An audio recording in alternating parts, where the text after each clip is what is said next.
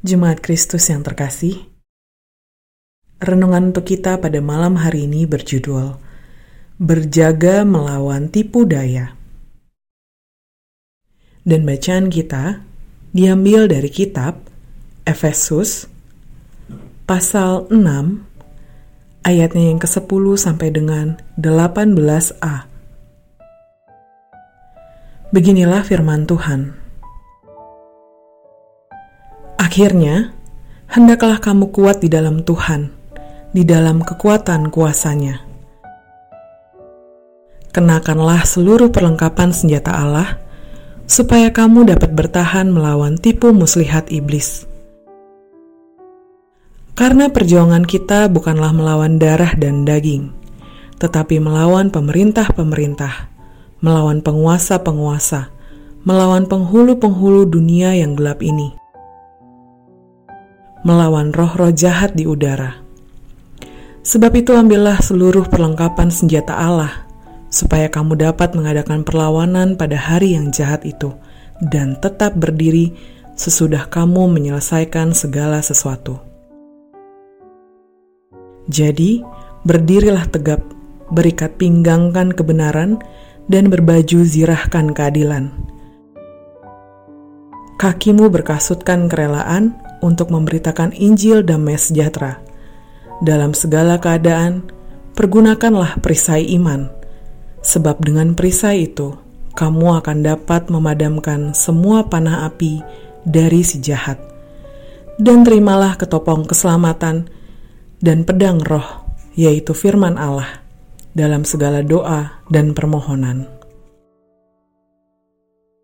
Seperti yang kita ketahui, kita, orang Kristen, selama masih hidup di dunia ini, akan selalu menghadapi yang disebut peperangan rohani. Maksudnya adalah saat kita harus bertahan dan berjuang untuk tidak jatuh dalam kehidupan yang jauh dari Allah. Rasul Paulus sendiri menggambarkan itu sebagai peperangan daging dan peperangan roh, di mana seperti yang kita ketahui, Peperangan daging ingin selalu berbuat kejahatan dan apa pun yang menentang hukum Allah. Sedangkan roh selalu selaras dengan hukum Allah, yaitu penuh kelemah lembutan dan kebaikan. Karena kita masih hidup dalam daging, ada kalanya saat kita ingin berbuat baik, namun justru perbuatan buruklah yang kita lakukan dan pergumulan inilah yang akan sangat terasa dalam diri manusia. Karena itu, melalui perikop ini, Paulus ingin kembali mengingatkan kita untuk selalu mempersiapkan perlengkapan iman, senjata dari Allah. Ada empat hal yang harus kita miliki: kebenaran, keadilan, rela berkorban, dan iman.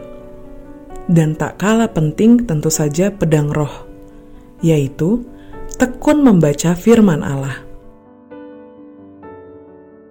Kesemuanya ini hanya dapat kita terima dalam Allah untuk melawan keinginan daging dan dunia ini.